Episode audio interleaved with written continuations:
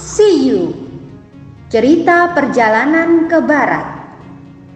Ditulis oleh Wu Cheng En Diterbitkan oleh Buana Sastra. Selamat mendengarkan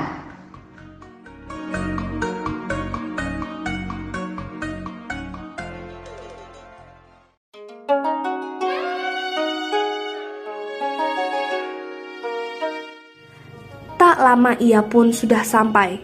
Begitu sampai, Wukong langsung menghajar pintu gua dengan kakinya sambil tak henti-hentinya berteriak-teriak. Karena mendengar teriakan Sun Wukong, penjaga pintu itu segera melapor pada Putri Kipas. Putri Kipas yang mendengar laporan anak buahnya jadi kaget. Ah, ternyata si kunyuk jahat itu hebat sekali. Padahal Kipasku bisa dipakai untuk melempar orang sejauh 80 ribu li. Tapi kenapa dia bisa kembali lagi? Kalau begitu, akan kukibas dia dua kali atau tiga kali lagi. Kurasa dia akan terlempar lebih jauh dari kemarin, kata Putri Kipas. Setelah berpikir demikian, Putri Kipas segera keluar sambil membawa kipas dan pedangnya. Setiba di luar, dia berteriak dengan marah. Hai kunyuk jahat, kau ternyata sungguh berani. Apa kau tak takut mati? Kenapa kau tak jerah hingga berani datang kembali ke sini? Kata Putri Kipas. Namun, Sun Wukong yang mendengar kata-kata Putri Kipas malah tertawa. Sao-sao ku yang baik. Kuharap kau jangan terlalu kikir. Coba kau pinjami aku kipasmu, sebab aku bermaksud menolong guruku. Nanti setelah aku selesai, dengan segera akan ku kembalikan. Percayalah, aku tak akan mungkir, sebab aku bukanlah seorang pembohong ataupun penipu. Kata Wukong, Tidak, kau adalah makhluk jahat, kunyuk nakal. Kau sudah mencelakakan anakku, jadi mana mungkin kau ku pinjami kipasku? Kata putri kipas. Dengan marah, Luo Shanu langsung menyerang ke arah Wukong dengan sepasang pedangnya. Namun Sun Wukong yang melihatnya dengan sigap menangkis serangan itu. Maka terjadilah pertarungan antara Luo Shanu dengan Sun Wukong. Namun karena Luo Shanu merasa tak akan sanggup mengalahkan lawannya, dengan marah Luo Shanu mengeluarkan kipasnya. Melihat keadaan itu, Sun Wukong langsung menelan pil pemberian Dewa Lingji. Itu sebabnya ketika kipas Luo Shanu dikibaskan, Sun Wukong tak bergerak sama sekali. Coba kau lihat, sekarang bergerak pun aku tidak. Ecek Sun Wukong. Jika aku tergoyang oleh kipasmu sedikit saja, jangan sebut aku seorang laki-laki. Mendengar ejekan itu, Losanu yang tak mampu melontarkan lawannya dengan kipas wasiatnya jadi penasaran. Ia lalu mengipaskan kipas wasiatnya sekali lagi. Setelah itu, ia kabur ke dalam guanya. Akan tetapi, Sun Wukong yang melihat lawannya kabur bukannya mengejarnya, malah diam-diam mengubah dirinya menjadi seekor kutu. Kemudian ia terbang ke dalam gua itu. Sampai di dalam, dia dengar Luasanu sedang berteriak-teriak, minta dibawakan air minum. Sun Wukong yang mendengar teriakan itu jadi girang bukan main. Dengan cepat, ia segera terbang masuk ke air teh yang sedang dibawa oleh anak buah Luo Sanu. Luo Sanu yang tidak merasa curiga segera meminum air teh itu. Dengan demikian, masuklah Sun Wukong ke dalam perut Luo Sanu. Begitu berada di dalam perut Luo Sanu, Sun Wukong segera mengubah dirinya jadi kecil sekali. Kemudian, dari dalam perut Luo Sanu, Sun Wukong berteriak, Kakak ipar, tolong pinjamin kipasmu. Mendengar teriakan itu, tentu saja Luo Shanu kaget dan heran. Ia belum menyangka lawannya ada di dalam perutnya. Ia pun segera menoleh ke kiri dan ke kanan. Tapi walau sudah dicarinya ke mana-mana, ia tetap tak melihat Sun Wukong ada di dalam guanya. Sudahkah kalian kunci pintu gua kita? Tanya Luo Shanu pada anak buahnya. Rupanya dia belum mengetahui kalau suara tadi berasal dari perutnya sendiri. Sudah terkunci putri, jawab anak buahnya. Tapi kenapa masih ku dengar ada suara Sun Wukong? Kata Luo Shanu. Aku juga telah mendengar suaranya. Kukira dia ada di dalam perut tuanku. Kata salah satu pelayan yang berdiri lebih dekat dengan Luo Shanu. Mendengar kata-kata anak buahnya, dengan terkejut Luo Shanu berteriak. Hai kunyuk jahat, di mana kau? Aku ada di dalam perutmu, saat ini aku sedang memeriksa isi perutmu. Kalau kau tak percaya, coba kau rasakan ini. Aku akan memukul jantung dan hatimu. Nah, sekarang rasakanlah, kata Wukong sambil memukulnya. Ia pun menendang perut Luo Shanu dengan kakinya. Mendapat tendangan dan pukulan dari Wukong, tentu saja Luo Shanu merintih kesakitan. Ia pun jatuh tertunduk untuk menahan sakit. Jangan menapik. Nanti sebagai terima kasihku, kau akan kuantari kue. Kata Wukong sambil menyundulkan kepalanya ke hati Luo Shanu. Mendapat perlakuan itu, Luo Shanu menjerit kesakitan. Hingga ia menggulingkan tubuhnya, wajahnya berubah pucat. Oh, ampunilah aku, kata Luo Shanu. Nah, baru sekaranglah kau mengakuiku kata Wukong. Karena aku masih memandang kakakku, Raja Kerbau, baiklah kau kuampuni. Tapi kau harus ingat, jangan lupa pinjami aku kipasmu. Baiklah, akan kupinjami kipasku, kata Luoshanu sambil merintih. Rupanya, Luoshanu hanya ingin menggunakan akalnya agar Wukong keluar dari perutnya. Nanti kalau Sun Wukong sudah berada di luar, ia bisa mengambil sikap lain. Namun, karena Wukong tak kalah cerdik, ia tidak segera keluar. Lekas kau keluar untuk menerima kipasku, kata Luo Shanu agak kesal.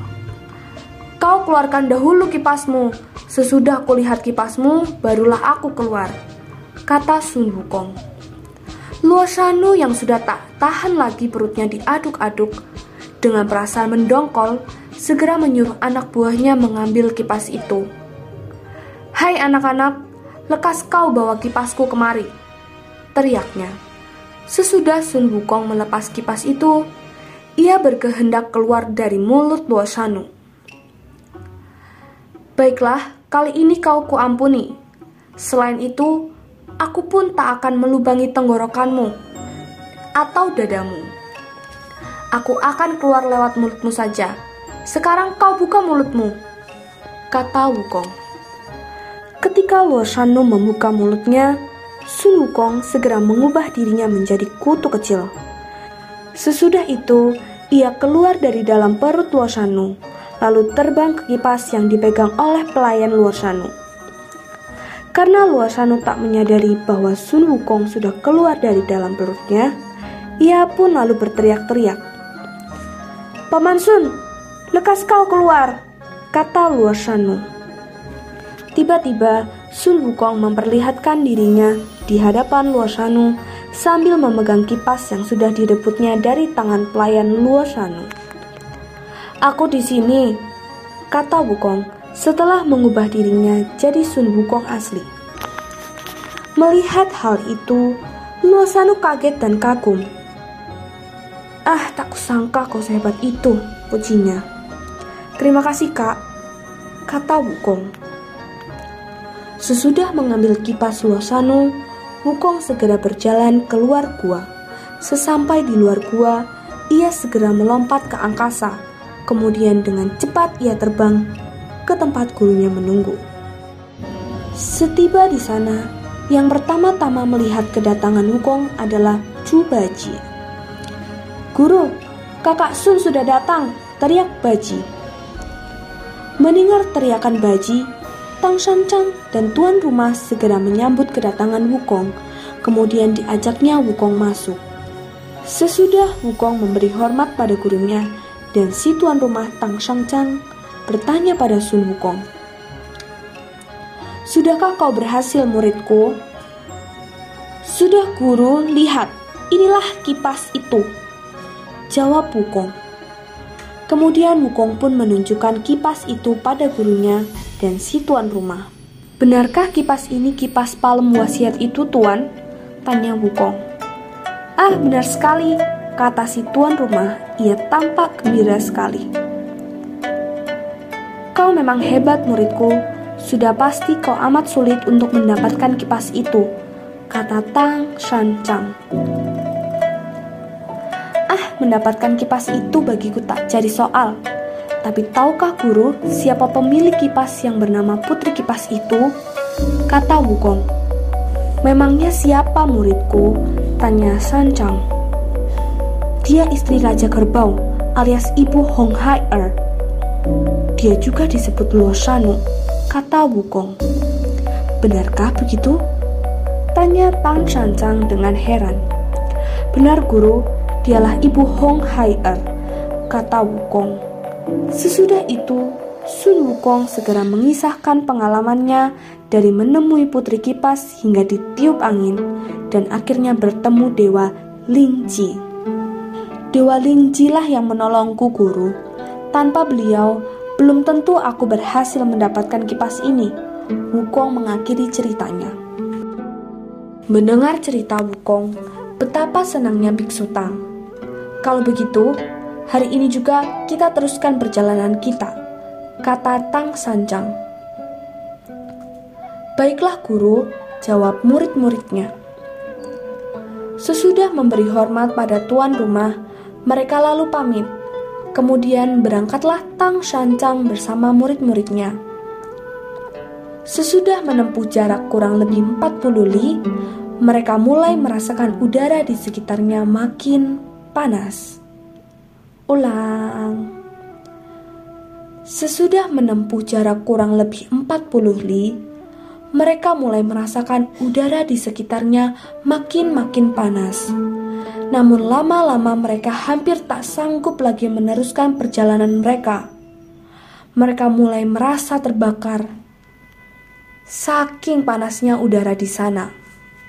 Mereka mulai merasa terbakar saking panasnya udara di sana. Kuda yang dinaiki Tang Shangchang pun mulai kepanasan. Guru, lebih baik kita berhenti dahulu, kata Wukong. Wukong juga berpesan pada San Wujing dan Baji agar menjaga gurunya. Aku akan pergi ke gunung api untuk memadamkan api itu, kata Wukong. Sesudah itu, sambil membawa kipas, Sun Wukong langsung mendekati gunung api. Setiba di depan gunung api itu, ia berhenti. Kemudian ia mengipaskan kipas pinjaman dari Luo Shanu itu. Tapi anehnya, ketika Wukong mengipaskan kipas satu kali, api itu bukannya padam, malah bertambah besar. Api gunung itu semakin berkobar-kobar, sehingga membuat udara di sekitarnya terasa semakin panas. Melihat keadaan itu, betapa herannya Sun Wukong. Apalagi ketika ia mengipaskan kipas itu untuk kedua kalinya. Api itu semakin besar dan besar saja. Api yang berkobar setinggi seribu kaki itu menyambar-nyambar ke arah Sun Wukong. Kalau saja Sun Wukong kurang cepat menyingkir, tak ampun lagi, bulunya pasti akan terbakar. Melihat hal itu, betapa kaget dan ketakutannya Sun Wukong. Dengan cepat, ia segera mundur dan menjauhi tempat itu. Minggir, lekas kalian menyingkir. Api sedang datang ke arah kalian. Teriak Wukong memperingati guru dan kedua saudara angkatnya. Mendengar teriakan Sun Wukong itu, Tang Shancang, Baji, dan Wujing amat terkejut dengan ketakutan yang amat sangat, mereka segera berlari sampai sejauh 20 li. Sesudah agak jauh dari gunung api, Dengan nafas yang masih tersengal-sengal, Tang Shangchang memanggil Wukong. Hai Wukong, kenapa kau? Apa yang telah terjadi? Kata Tang Shangchang. Mendengar teguran gurunya, Sun Wukong segera melemparkan kipasnya yang ada di tangannya. Celaka, pasti siluman perempuan sialan itu telah menipuku, kata Wukong. Mendengar kata-kata Sun Wukong, Tang Shancang kaget dan kecewa. Ia pun segera menunduk. Ah, rupanya hatinya sangat sedih sekali. Jadi, apa yang harus kita lakukan sekarang muridku? Tanya Shancang kepada Wukong. Ya kakak, bagaimana hal itu bisa terjadi? Tanya Baji. Aku pun merasa heran, kenapa bisa terjadi demikian. Untung saja aku bisa menghindar. Kalau tidak, tentu diriku akan celaka terkena sambaran api itu. Aku pun bisa hangus terbakar tadi. Kata Wukong. Aneh sekali kau kakak Sun, padahal kau pernah berkata bahwa kau tak akan mati karena guntur dan api. Tapi kenapa sekarang kau begitu ketakutan? Kata Baji. Diam kau tolol. Biasanya aku kan selalu siaga. Tapi karena tadi kukira kipas ini asli, aku jadi tidak siaga. Kata Wukong. Kalau kita tak punya pilihan lain untuk menempuh jalan ke barat, lalu apa tindakan kita selanjutnya? Apalagi gunung api demikian panasnya, kata Wujing. Bagaimana kalau kita berusaha mencari jalan lain? Tanya Baji. Apakah kalian tahu di mana jalan yang tak ada apinya? Tanya Shancang. Aku tahu, di daerah selatan, utara, dan timur tak ada apinya. Kata Baji. Hei, kenapa kau tolol sekali? Di sana kan bukan tujuan kita. Hai, coba kau dengar. Tujuan kita ke sebelah barat itu maksudnya untuk mengambil kitab suci tahu. Kata sang guru kesal. Mendengar kata-kata gurunya yang demikian, Baji menggaruk-garuk kepalanya yang tak gatal. Keadaan kita sekarang memang sulit, sebab tempat yang tak ada apinya bukan tujuan kita mencari kitab suci itu, sedangkan api yang ada di jalan ke arah barat besar dan terasa panas sekali. Kata Wujing. Saat semuanya sedang kebingungan, tiba-tiba terdengar suara yang memanggil. Tuan, kau jangan bingung. Lebih baik sekarang kalian makan dulu bersamaku. Setelah kalian makan, barulah kalian berunding lagi, kata suara itu. Mendengar suara itu, mereka segera menoleh ke arah sumber suara. Tak lama, terlihatlah seorang tua bersama pembantunya yang membawa tempat nasi yang terbuat dari tembaga. Di atas tempat nasi itu terdapat pula makanan. Makan sih boleh saja, bahkan aku mengucapkan terima kasih atas kebaikanmu. Tapi karena kami sedang memikirkan cara untuk memadamkan api itu, kami jadi lupa makan. Apalagi aku ingin segera membawa guruku ke barat kata Wukong. Kurasa untuk memadamkan api terpaksa kau harus menemui Luo Shanu. Nanti setiba kau di sana, kau bisa pinjam kipasnya, kata orang itu yang ternyata Dewa Bumi. Mendengar penjelasan itu, Sun Wukong segera memungut kipas yang tadi dibuangnya. Bukankah ini kipas yang kau maksudkan? Tanya Wukong. Coba kau lihat sebentar, kata Dewa Bumi mendekat. Setelah kipas itu diterimanya, Dewa Bumi segera memeriksanya dengan teliti. Tapi tak lama ia malah tertawa terbahak-bahak. Rupanya kau ditipu olehnya. Ini adalah kipas palsu. Kata Tudi alias Dewa Bumi. Pantas saja, api itu semakin besar setelah kukipaskan Ternyata aku diberi kipas palsu. Hei, tolong kau beritahu seperti apa kipas yang asli itu? Tanya Wukong. Dewa bumi itu memberi hormat pada Wukong. Maaf, aku tak bisa membantumu. Tapi kalau kau mau, itu mudah saja. Sekarang pergilah kau ke tempat dewa pulang. Sekarang pergilah kau ke tempat Taling Wang. Di sana kau bisa meminta bantuannya, kata Dewa Bumi. Siapa sebenarnya Taliwang itu? Tanya Wukong. Dia adalah Raja Kerbau, suami Luo Shanu sendiri, jawab Dewa Bumi. Berarti api itu adalah buatan Raja Kerbau yang diberi nama Gunung Api. Benarkah?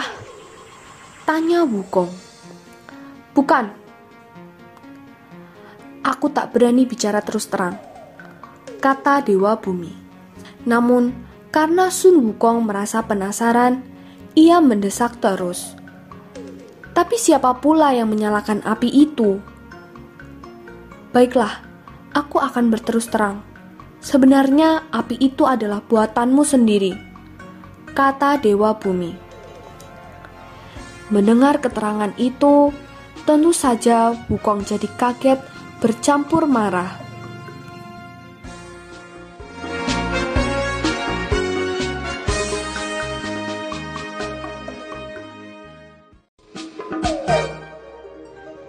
Dengarkan kisah selanjutnya dengan teman membaca yang lain. Terima kasih.